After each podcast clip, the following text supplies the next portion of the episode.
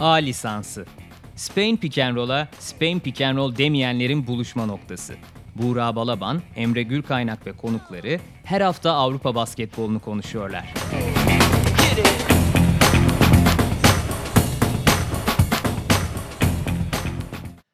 Merhabalar, Sokrates'in Euroleague Podcast'i A lisansının yeni bölümüne hoş geldiniz. Özel konuklarla birkaç haftadır sizlerle beraberdik. Bu kez baş başayız. Burak Balaban, sevgili Emre Gürkaynak'la beraber bu hafta.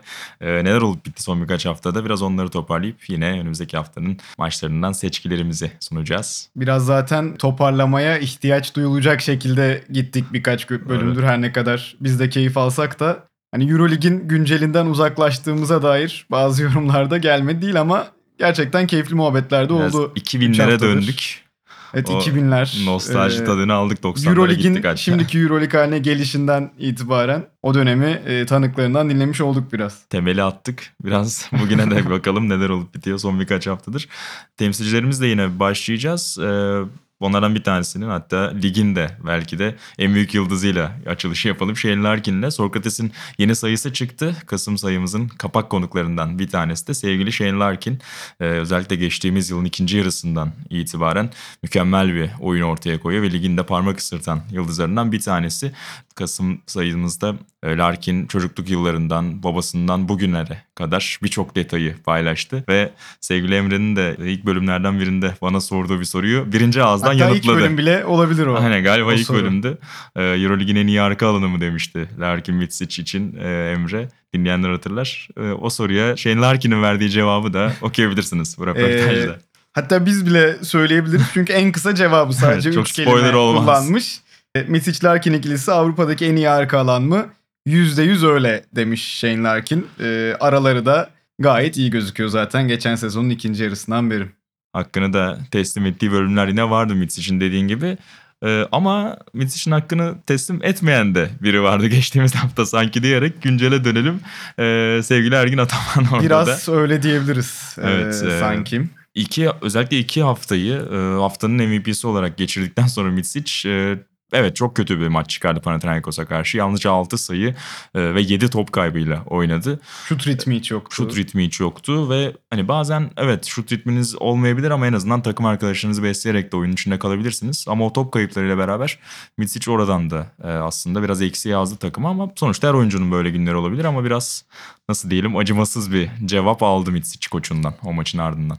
Evet o maçın sonrasındaki basın toplantısında hem Mitsic hem de Yunan gazeteciler ki bence gazetecilere kızmakta çok haksız değil Ergin Ataman. Çünkü hani Mitsic hakkındaki yorumunu yaptıktan sonra ya ben Biraz bir şey diyorlar gidiyor. ona ben görüşümü söylüyorum ya basın toplantısı bunun için değil mi diye gazetecilere kızıyor. Sanırım şeyi söylüyor. e, Geçtiğimiz yıl takımın tüm gidişatını değiştiren bir oyuncu için gibi dediğin gibi aslında Misic'i destekleyen bir aslında yorum orada sorudan ziyade bir yorum katıyor gazeteci ve Ergin Ataman da ona biraz sinirleniyor. Yani her sezon içerisinde aslında bir iki tane bu tür çıkışı oluyor Ergin Ataman'ın yani çok büyük sürpriz değil herhalde. Oluyor oluyor hiç bence sürpriz değil. Ee, hani olmasında bir problem de yok. Yani şu açıdan e, sorun Mitsic'e burada biraz daha e, çıkış ağırlığı bindiriyor. Çünkü yine konuşmuştuk daha önce lig maçlarından sonra tabii lig maçlarına daha rahat şekilde mesela yerli oyuncularını deneyebiliyor. Ee, hem Ergin Ataman hem Jake Obradovic Evet. hem de e, birçok koç. Ee, onlardan istediği performansı alamadığında e, biraz maç sonlarında çekinmeden de söylüyordu yani. Ben oyuncularımı oynatıyorum Euroleague'de yabancı oyuncularımı. Burada da çok iyi oynuyorlar. Yerler oynayamıyor mesela. İyi oynadıklarında haklarını veriyor Doğru. ama kötü oynadıklarında da eleştirmekten çekinmiyor. Yani Mitsic bu takımın hani iki yıldızından bir tanesi olabilir ama ona da bu mesajı veriyor. Ya Mitsic de şu ilginç. Mesela Bandırma maçını, tek Bandırma maçını deplasmanda kaybetmişti Efes. O gün de Mitsic çok kötü oynamıştı. Ee, o gün de aslında kenara aldığı zamanlarda biraz daha e, tepkili olduğunu görüyorduk Ergin Ataman'ın. Burada da benzer bir şey oldu.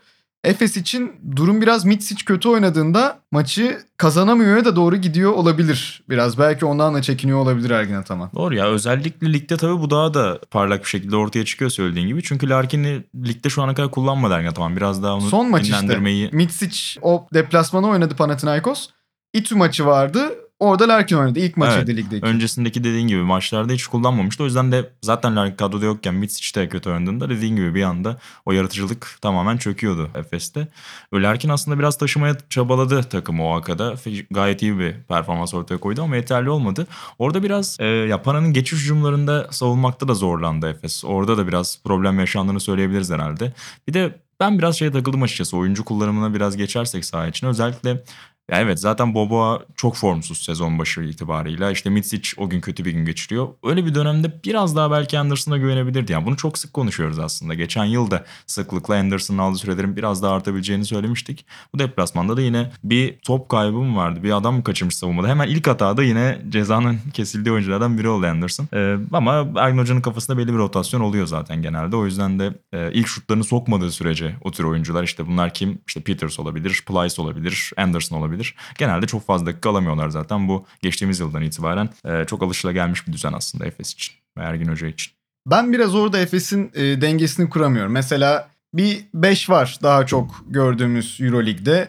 Zaten hani Mitsic, Larkin yanlarında bir üçüncü oyun kurucu gibi Simon'u görüyoruz. Hı hı. Sakat olmasa Moerman'ı 4'te göreceğiz ama şimdi Peter Singleton orayı döndürüyor. 5'te de Bryant Dunstan. Yani bu 5 zaten maçın çok büyük Maçı bölümünü 5 olmasını oynuyor. istiyor. Maça başlayan ve çoğunlukla da bitiren senin de söylediğin gibi oluyorlar. Ya burada mesela Madrid maçını kazanırlarken Dunstan çok iyi oynadı ikinci yarıyı. Simon çok iyi Hı hı. oynadı. Ee, yani kazanıldığında hiç şaşırmıyorsunuz. Aa bu 5 nasıl kazan diye. Ama kaybedildiğinde de veya hani bu sene de Final Four'u Efes'in ulaştığını Final Four'a düşününce acaba çok mu e, tahmin edilebilir bir takım oluyor düşüncesi benim aklıma geliyor yani. Çok iyi bir kız bir tarafta hani Madrid'i yenebilecek, fark atabilecek bir. Efes. Diğer tarafta da hani Panathinaikos çok iyi durumunda değilken e, bir şekilde önlemleri alabiliyor gibi bir Efes. Yani onun ortasını kendi kafamda da kuramıyorum ben. Öyle söyleyeyim sana. Evet e, ya güzel bir noktaya değindin hakikaten. Aslında sen bundan bahsederken bana biraz geçtiğimiz yılın Türkiye Basketbol Süper Ligi'ndeki final serisi aklıma geldi. Çünkü oradaki 7 maçlık e, o uzun seride de aslında Efes kazanırken bahsettiğin gibi durdurulamaz bir oyun oynuyormuş gibi hissettirdiği bölümler de oldu Efes'in. Ama kaybederken de ya çok tahmin edilebilir. Fenerbahçe önlemlerini aldı ve e, Efes'in önünü kesmeyi başardı. Cümlesini çok sık kuruyorduk kaybettiği maçlarda Efes'in. O yüzden de evet yani hem bir lütuf hem bir lanet diyebiliriz aslında bu yapı için. Sen Anderson hiç oynamamıştı o seride. Evet. Ki yabancı sınırı var. Maçlar iki günde bir. Doğru. E, dinlendirmeniz de lazım oyuncular ama hiç oynamadan Evet. e, şampiyonluğa gitmişti Efes. Boboa riskini mesela almıştı yer yer Ergin Ataman ama Anderson'a hiç gitmemişti söylediğin gibi. Bakalım yani hoca zaten genelde biraz daha işleri basit tutmaya çalışan işte hücum seti konusu da sezon başında çok tartışılmıştı. Fenerbahçe'nin şu kadar seti var, Efes'in bu kadar seti var gibi. Setleri de Larkin röportajından öğrenebilirsiniz. Evet, orada kaç da- tane var, kaç tane yok. ara ara verelim bu bilgileri. Evet işleri biraz daha basit tutmaya ve daha alışmışlıklarla oynamaya çalışıyor ama özellikle deplasman maçlarında içerideki o havayı o ritmi yakalayamadığınızda da senin az önce söylediğin konu çok doğru. Yani çok tahmin edilebilir bir yapıya giriyor. Evet şütörleri çok boş bırakmayıp perde çıkışlarında da işte Larkin'i, Mitsic'i yeteri kadar zapt edebilirseniz eğer iyi savunmacılarınız varsa elinizde e, bazen durdurabiliyorsunuz. Özel- Özellikle en az bir tanesi kötü bir gün geçiriyorsa. Senin de söylediğin şimdi de bir Olympiakos deplasmanı olacak. Evet Perşembe akşamı da yine Yunanistan deplasmanında olacak. Efes bu kez Olympiakos'talar. Evet yani sen Panathinaikos'tan biraz bahsettin. Müthiş bir dönem geçirmiyorlar. İnişli çıkışlı bir grafikleri var. Olympiakos'ta biraz daha inişli bir grafiği olduğunu söyleyebiliriz herhalde. Tuhaf bir galibiyeti aldılar tırnak içerisinde. Çünkü o maça kadar namalip gelen CSKA Moskova'yı hem de deplasmanda yendiler. Ee, Gemcura'nın dört kısa kullandığı enteresan bir yapıyla beraber geri dönmüşlerdi ikinci yarıda. Ama o maç dışında hakikaten çok kötü ve çok dağınık görünüyor Olympiakos. Ee, geçtiğimiz hafta bir ekleme yaptılar. Taylor Ratchis diye kadroya katıldı ama artık 34 yaşında diye. Sarsmadı Euroleague camiasını Evet yani transfer. çılgınca tepkiler almadı dediğin gibi. Yine de evet hücumda bir aktör olacaktır mutlaka belki ama bir yandan da işte Brandon Paul'un sonuçta süresinden yenecek. Cherry'nin süresinden yenecek. Spolinis'in süresi zaten ne olduğu şu anda e, epey muallakta. O yüzden kimliğini arayan bir Olympiakos var hala. Geçtiğimiz hafta da Maccabi'den kendi evlerinde 25 sayı yediler. O da onlar için tersine rekorlardan bir tanesi olmuş. Yani son 5 yıldaki falan en büyük fark sanıyorum. Aynen öyle. Barış ve dostluk salonunda o farkı yediler. Şimdi biraz hani o yaralı bir halle beraber ekstra bir motivasyon olabilir bir yandan ama öte yandan da Efes için hani bu kadar kötü görünen bir Olympiakos karşısında o deplasman galibiyetini alıp yeniden işleri yoluna koyma vakti olabilir. Ben burada Efes'in biraz daha yine ağır bastığını düşünüyorum. Yani sen de zaten onu söylüyorsun. Olympiakos tabii Kemjura'yla devam edecek gibi bir süre daha şimdilik. Şu an için öyle görünüyor. Oradan bir şey çıkmıyor. Ses Özellikle çıkmıyor. Kızıl Yıldız Milan Tomic birlikteliği sezonun hemen başında ortadan kalkınca Milan Tomic kulüpten ayrılınca tabii çok uzun yıllarını Olympiakos'ta geçirmiş bir isimdi. Bir anda gözler ona dönmüştü acaba Pire'ye mi gelecek diye ama özellikle Ceska galibiyeti biraz kredi verdi sanki koça. Bakalım e, belki sezon ortasında Yeni koçtan daha- iyidir bence. Yani Efes'e karşı çıkarken Juran'ın devam etmesi açısından. O açıdan doğru. Ee, bakalım e, gidişat nasıl olacak? Olympiakos'a çok fazla soru işareti, çok fazla zaten sezon başından beri, yazdan beri vardı. Özellikle yerel ligde yaşadıkları problemden ötürü. Ee, o soru işaretleri çok da dağılmadı Olympiakos cephesinde. Efes için kapanışı da istersen Singleton'la yapalım. Ee, sezon başındaki maçlar çok iyi görünmüyordu ama son iki maçı özellikle Real maçını ve Pana maçını fena oynamadı Singleton. Ve koçun çok tercih etmediği şekilde genelde onu hep 4 numarada oynatıyordu ama o arkada bu kez 5 numarada da kullandı Dansın'ın faul problemi nedeniyle. Sen nasıl gördün yani Singleton'ın 5 numara oynadığı formüller Efes için o az önce bahsettiğin tahmin edilebilirliği biraz azaltır mı sence? Kırabilir kesinlikle. Ee, zaten ama bu sezon başından beri konuşulan noktalardan bir tanesiydi. Ee, biraz çeşitlilik katmak. Hani Alec Peters da öyle bir oyuncu. Yani 5'te belki üçe direkt olarak kullanamazsınız da hani bir farklılık yaratabilir. e, alanı açabilir size daha rahat şekilde. Ee, Singleton bence tam o hani o sıradanlık noktasına çözüm olabilecek oyunculardan bir tanesi. Biraz galiba takım içerisinde daha hani yalnız takılıyormuş Chris Singleton. Ee, daha tam o arkadaşlık kuramamış. Mesela Larkin e, yükselirken geçen sezon hani onun en yakın arkadaşları Rodrigue Boboa ile Adrien Moerman'mış. İki Fransızla birlikte zaten onlar birbirini tanıyor. Hani Boboa NBA olmuş bir oyuncu. Larkin hani o adaptasyonu öyle açmış. Biraz öyle Ki anlatılmıştı. Baskonya'da da birlikte oynamışlardı. Aynen öyle. Ee, o arkadaşlık. Belki Singleton'a da öyle bir şey lazım ama şu an saha içerisinde işleri iyi gidiyor. Ligde de hani süre alıyor. Ergin Ataman alışması için o ortamı sağlamaya çalışıyor.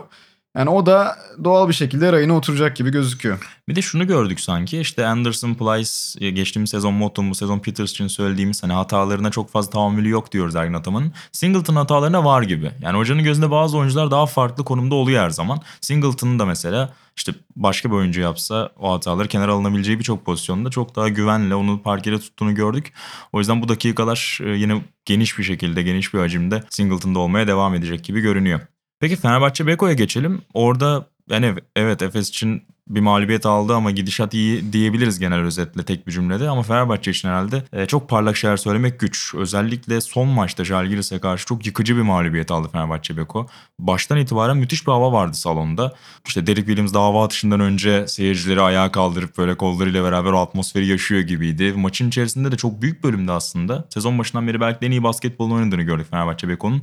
Ama son 1-1,5 dakikada yaşananlar epey tuhaftı hakikaten. Yani olumlu bir şey söylemek çok fazla mümkün değil senin de dediğin gibi ama bardağın dolu tarafını göreceksek o maç e, Maccabi deplasmanında iki gün sonra oynandı. Evet. Bence olumlu yanı bu. Çünkü Jelko Obradovic döneminde en düşük e, Euroleague'de 52 sayı attığı maç var Fenerbahçe'nin. E, ondan sonra 55 sayı ki Maccabi deplasmanında deplasman. atılan sayıdan bahsediyoruz. Yani Maccabi'nin Real'e karşı deplasmanda çok iyi oynadığından bahsetmiştik sezonun daha önceki bölümlerinde. Sonuna kadar kovaladılar. Will Beck'in attı. J.C. Carroll maçı götürdü son topta. Ee, ama yani o planlılık, o hani bir şeyleri çözmüş gibi gözüken Maccabi bunu Fenerbahçe Beko karşısında iyiden iyiye e, gösterdi bana kalırsa. Zaten sezon başında ümitli olduğumuz takımlardan bir tanesi olduğundan söz etmiştik. Yani Omri Kaspi o karşılaşmada çok etkili oynadı. Deni Avdi'ye girdiğinde öyle. Ya bence olumlu nokta tabii o maçtan iyi bir şekilde geri gelmiş olması Fenerbahçe'nin. Belki Jalgiris kadar hani kağıt üzerinde Jalgiris'ten daha iyi ama Jalgiris kadar mücadeleci olmayan, e, bu kadar her maça tutunmayan bir takım olsa maç kazanılabilirdi. Ama biraz o hem Jalgiris'in bu salonda maç kazanma alışkanlığı da oluyor ilginç yavaş yavaş. Hem Yaskevicius öyle bir karakter değil. E bir de o son dakika senin de söylediğin gibi eklenince üstüne iyice bir felaket senaryosuna dönüştü. Fenerbahçe Beko'da akıcılık göremiyoruz. Biraz herhalde geçen sezon en çok herkesin hoşuna giden şey buydu yani. Sürenin son 5 saniyesi de olsa 2 pas, 3 pas bir şekilde son saniyede o top boş bir şekilde atılıyordu. Ve herkes buna çok alışmıştı ama hani biraz Bobo Anderson formsuz dedik. Fenerbahçe Beko'da da Kalinic, Datome bana kalırsa e, biraz daha devreye girmesi gereken isimler. Çok büyük bir gedik var 3 numarada söylediğin gibi. İkisi de çok formsuz. Kalinic zaten sezon başından beri kötüydü. Datome birkaç maç biraz kıpırdanır gibiydi. Bu maçta da ufak ufak şeyler gösterdi ama tabii ki geçen yıllardan alışık olduğumuz seviyenin yakınında dahi değil. Hatta bu yüzden de Jelko Obradovic Tarık Biberovic'e de hatta 3 numarada bolca süre verdi. Birkaç hatası oldu Biberovic'in ama fena da oynamadı hatta. Sulukas penceresi açabiliriz belki. Çünkü o da aslında sezon başında eleştirilen bir oyuncuydu. Maçın çok büyük bir bölümünü bence çok iyi oynadı Sulukas. Ama o da işte o son dakikadaki o geri dönüşte Fenerbahçe'nin yaşadığı akıl tutulmasına ortak oldu diyebiliriz. Çok kötü toplar kullandı hakikaten. Oradaki ana talihsizliklerden bir tanesi de işte o seriye başlarken Jalgiris'in De Colo'nun 5 faulle kenarda kalmış olması. Pota altında kaptırılan topun ardından 5. faulünü aldı ki belki de son toplarda çok daha güvenip o çizgiye gelerek en azından o sayıları bulabilecek bir oyuncu De Colo ve maçı rahat bir şekilde kapatabilirdi belki son 30 saniye kala Fenerbahçe. Ee, hepsi aslında üst üste geldi diyebiliriz. Yani bir zincirleme kaza oldu o son 50-51 saniyede ee, ve önüne çıkamadı. O anlamda biraz işte özgüvenini de takımın iyiden iyiye sarsmış olabilir o galib o mağlubiyet bana kalırsa. Yani Datome'nin sosyal medya postu çok konuşuldu. İşte burada geçirdiğim en zor zaman ama hep birlikte ayağa kalkacağız dedi. Pot arkasında açılan pankartı paylaştı Datome. O inancı evet dile getirmek, sözlü olarak anlatmak bazen kolaydır ama sahaya yansıtmak her zaman o kadar kolay olmayabiliyor. Onun için de önemli bir sınav bence bu haftaki Bayern Münih mücadelesi. Sen Jalgiris için pes etmeyen bir takım yapısını ortaya koyan bir kulüp dedin. Bayern de aslında öyle. Evet deplasmanda evlerindeki kadar rahat ve kompleks oynayamıyorlar belki. Ama ne olursa olsun hani oyun planı belli olan bir yapısı var bu sene içerisinde Bayern'in. O yüzden onlar da çok kolay pes etmeyebilir. O sınavlara hazırlıklı olmak zorunda sanki Fenerbahçe Beko. Bir önden şeyi söyleyeyim. Slukas. Hı hı. Ee, yine iki maç arasında bir kıyas yapacak olursak Maccabi Jalgiris. ikinci maçta çok daha fazla Slukas'ın topu getirdiğini. De Colo'yla Evet. aynı anda e, park ederlerken de hani pozisyonu De Colo kullanabilir. Ama Slukas getirecek bir opsiyonlara bakacak. E, De Colo daha tamamlayıcı konuda olacak. Yani o 40 sayı attığı Baskonya maçı gibi e, olmayacak noktasındaydı bence Fenerbahçe Beko. Hafta sonu ki ligde zaten çift haftadan sonra ile nasıl bir rotasyon yapmasını bekliyorduk şey Kobralov için. ikisini birden kadroya aldı. Yine benzer şekilde Slukas'a verdi. E, De Colo'yu daha tamamlayıcı kullandı.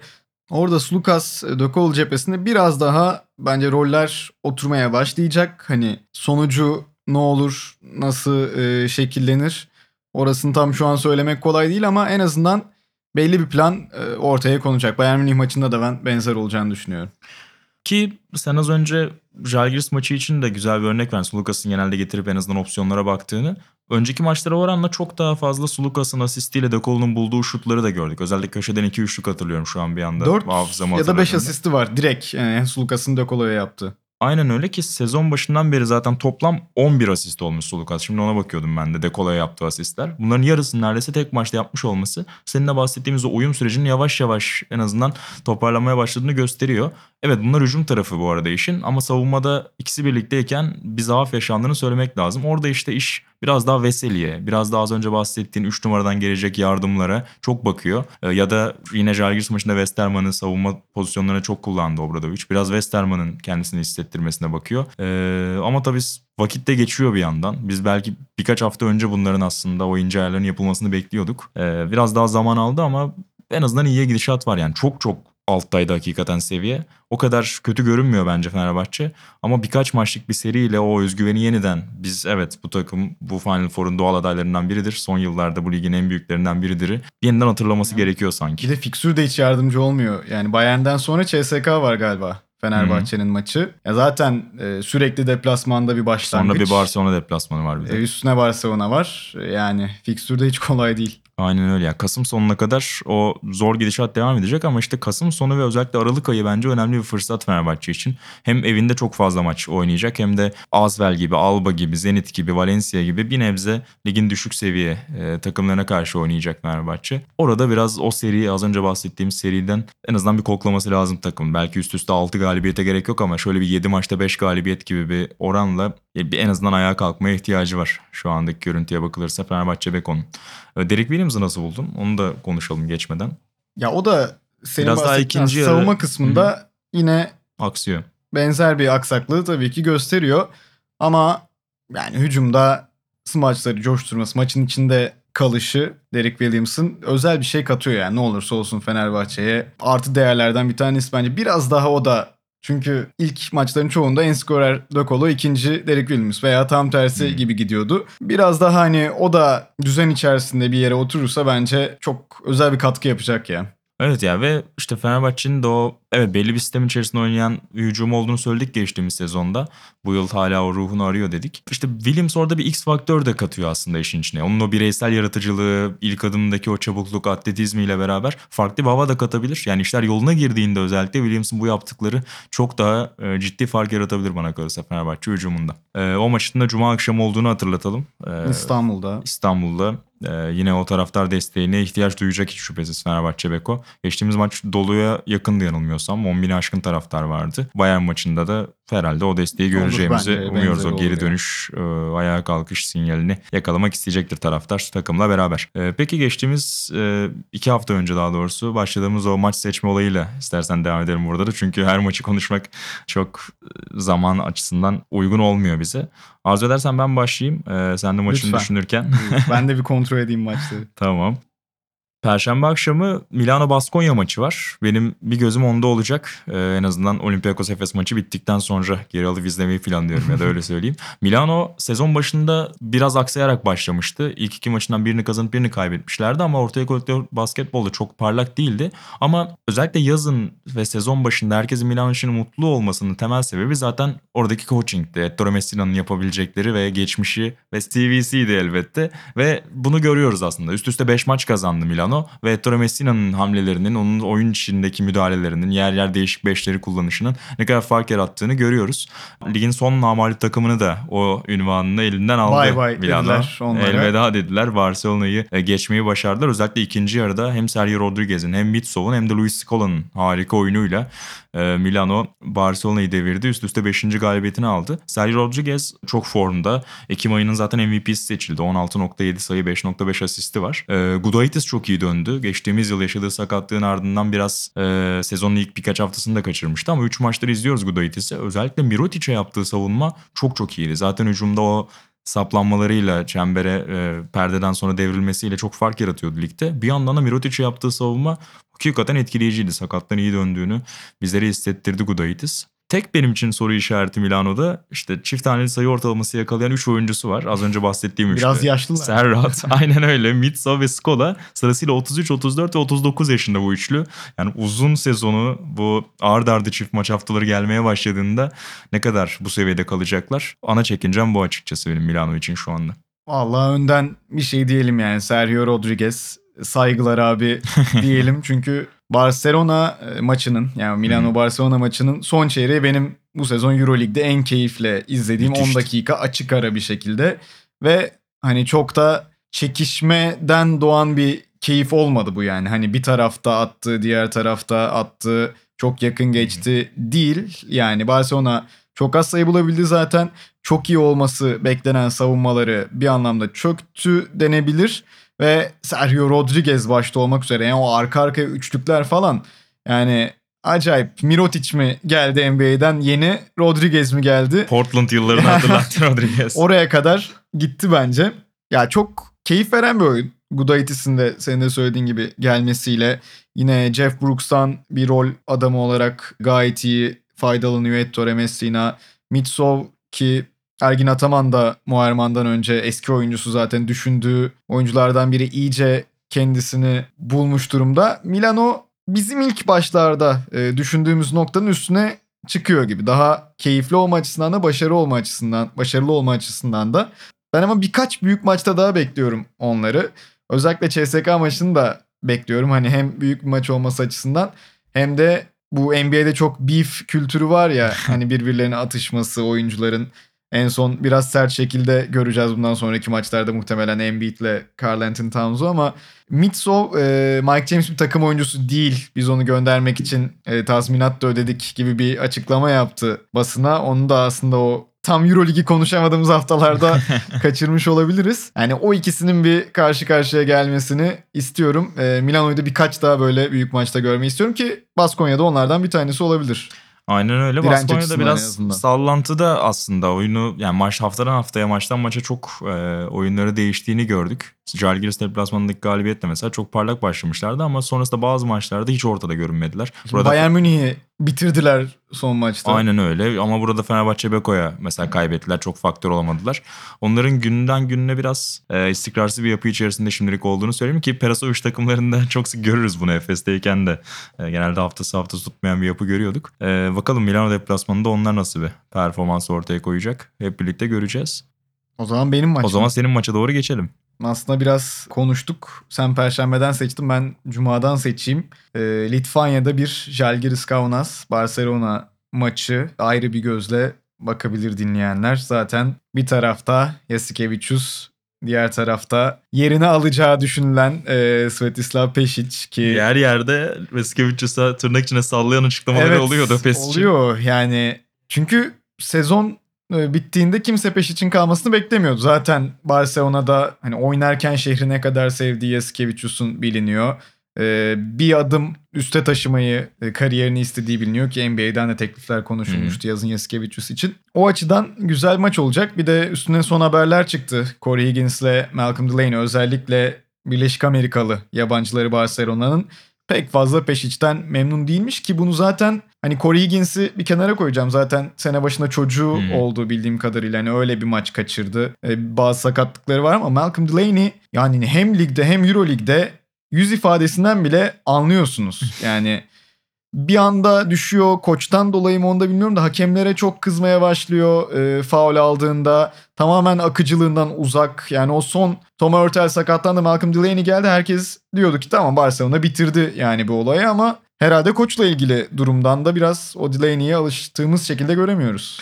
Evet ya özellikle Amerikalı oyuncuların mutsuz olduğu senin de söylediğin gibi duyuruldu ama galiba yine Preview Podcast'inde seninle e, anmıştık 2002 Yugoslavya takımını. ya hani sadece belli bir ırka belli bir oyuncu grubuna ait değil bu problem. Yani Pesic'te çalışan genelde oyuncu grublarının çoğunun özellikle o aşırı disiplin, aşırı belki antrenman yoğunluğundan ötürü hep şikayet ettiğini uzun yıllardır duyuyoruz ve birçok farklı şampiyonada birçok farklı soyunma odasında da bunu işittik. Belki biraz erken oldu bu sefer onu söyleyebiliriz. Yani sezon içerisinde erken oldu. bekliyorduk ama henüz Kasım'a yeni yeni geçerken bu sorunların ayyuka çıkması bir soru işareti doğuruyor. Tabii Xavi Pascual hala boşta onu söylemek lazım.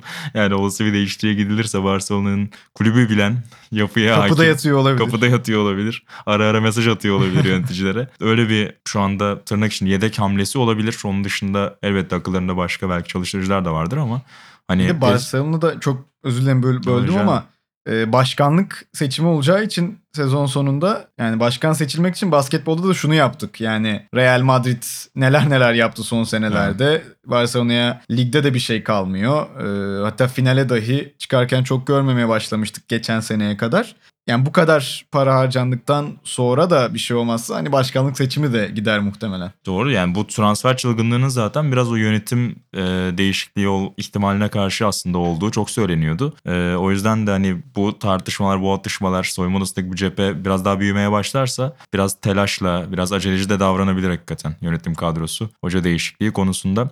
Bir yandan da Brandon Davies'i analım. O da eski, Eski takımına takımı. karşı oynayacak. Az önce Milano maçından bahsettik bu arada. O son çeyreğe damga vuran konulardan biri de bence Davies'in sakatlığıydı. Son 4,5-5 dakikada yanılmıyorsam oynayamadı e, yaşadığı sakatlıktan ötürü. E, okuduğum kadarıyla bu maçta oynayabilecek durumda son anda değişiklik olmazsa.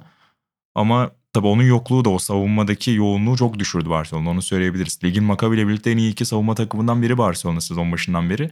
Ama özellikle Davies'in ortaya koyduğu o çaba merkezi çok önemli. Bir yandan yine savunmanın önemli aktörlerinden Klaver'in sakatlığı var Barcelona'da. O da yaklaşık 1-1,5 ay sahalardan uzak kalacak. Ki Klaver bence bu kadronun e, underrated oyuncularından biri net bir Önemli şekilde yani. tutukallarından biri yani iyi tamamlayıcı. Kullandığı top çok önemli olmasa da en azından savunma katkısı ve hücumdaki o alan açıcılığıyla önemli bir rolü var. Onsuz bakalım nasıl bir dönem geçirecek Barcelona. Bu da önemli olacak hiç şüphesiz. Evet yavaş yavaş sonlara doğru gelirken e, anmadan geçmeyelim dediğimiz birkaç takım var mı onu soracağım ödülü. sana. Aynen mansiyon ödülü, özel onur ödülü verelim. Onlardan bir tanesi benim tarafımda Maccabi olacak. E, az önce biraz Barcelona'yı konuşurken dillendirmiştik yani çok iyi bir savunma takımı oldu Maccabi. Özellikle rakibi yayın içerisinde çok sınırlıyorlar. Yani hem Tariq Black hem Otel Hunter çember civarını çok iyi savunuyor. Ya Otello Hunter hala yani nasıl Hala Maccabi'ye kaldı daha büyük bir yere gitmedi ben onu merak ediyorum. yani. Evet yani ben işte Real Ceska'ya bıraktığında da epey şaşırmıştım Hunter'ı. Benzer bir şaşkınlığı bu yazda yaşadığımı söyleyebilirim. Ee, 100 pozisyon başına 84.4 sayıda tutuyorlar şu anda ve lig liderler açık ara e, Maccabi. Aynı zamanda iki sayılık atışlarda da %37 yalnızca rakiplere verdikleri imkan ki en yakın onlara yaklaşabilen iyi anlamda takım Barcelona. Onlar da %45 ile sayı yiyorlar iki sayılıklarda. Yani ciddi bir fark var hakikaten. Elbette 6 maç düşük bir veri kümesi. Bunlar değişecektir. Biraz daha miktarlar yaklaşacaktır birbirine. Ama işte Sferapoulos'un o yapısında hem yayın gerisinde hem de çember civarını iyi savunduğunu da görmek anlamında iyi bir ipucu veriyor bence. Ki Fenerbahçe de zaten %20'lerde kalmıştı yanılmıyorsam. iki sayılık atışlarda. E, Olympiakos'u ne kadar ağır bir şekilde Pire'de yendiklerinden bahsettik. E, Milano'nun 5 maçlık serisi gibi onlar da üst üste 4 maç kazandı. Bir gözünüz Maccabi'de olsun bu sırada. Yani playoff yarışından erken kopmayacaklarını gösteriyor. Karşısında da Alba var. O da e, bir keyif unsurudur. Kesinlikle. O maçı da şeye söyleyebiliriz. Şunu da söyleyelim istatistikten bahsetmişken Alba'da iki sayılık yani attığı sayıların yüzdesine baktığımızda iki sayılıklardan en azını bulan takım yani çok sık yayın gerisine taştıkları için Maccabi'nin o iyi iki sayılık savunmasından çok etkilenmeyebilirler. Ona da enteresan bir e, sürpriz de çıkarabilir aslında. Ve e, Alba eğer o Maccabi'deki İsrail'deki o müthiş atmosfere Evet Dayanabilirlerse. atmosfer de yani atmosfer Enfes olmuş hakikaten. galibiyetlerle birlikte. kesinlikle öyle. Sen de bir takım seç yavaş yavaş toparlayalım o zaman. Valla zaten Fener Efes'i konuşunca birer maç seçtik. Maccabi dedik. Ben de kim ki'yi söyleyeyim de maç biraz VTB Ligi.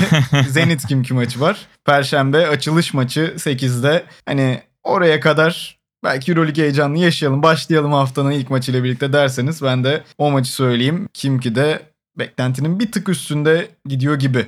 Yani Evet. kadro uyumu açısından vesaire. Harcadıkları parayla beraber zaten onların da e, playoff'ta hatta belki Final Four adayları arasında son anda girme ihtimali konuşuluyordu. Şu ana kadar da beklentileri karşılıyor gibi. Senin de söylediğin gibi imkan. E, farklı bir notumuz var mı yoksa yavaş yavaş kapatabiliriz. Yavaş yavaş kapatabiliriz. A lisansının bu bölümünde e, son haftaların ışığında hem bu hafta oynanacak birkaç maçı konuştuk hem de takımların son durumundan bahsettik. Önümüzdeki haftalarda Euroleague sohbetlerimiz devam edecek. Yeniden buluşmak üzere. Aynen öyle. edecek. Konuklarımızı da alacağız.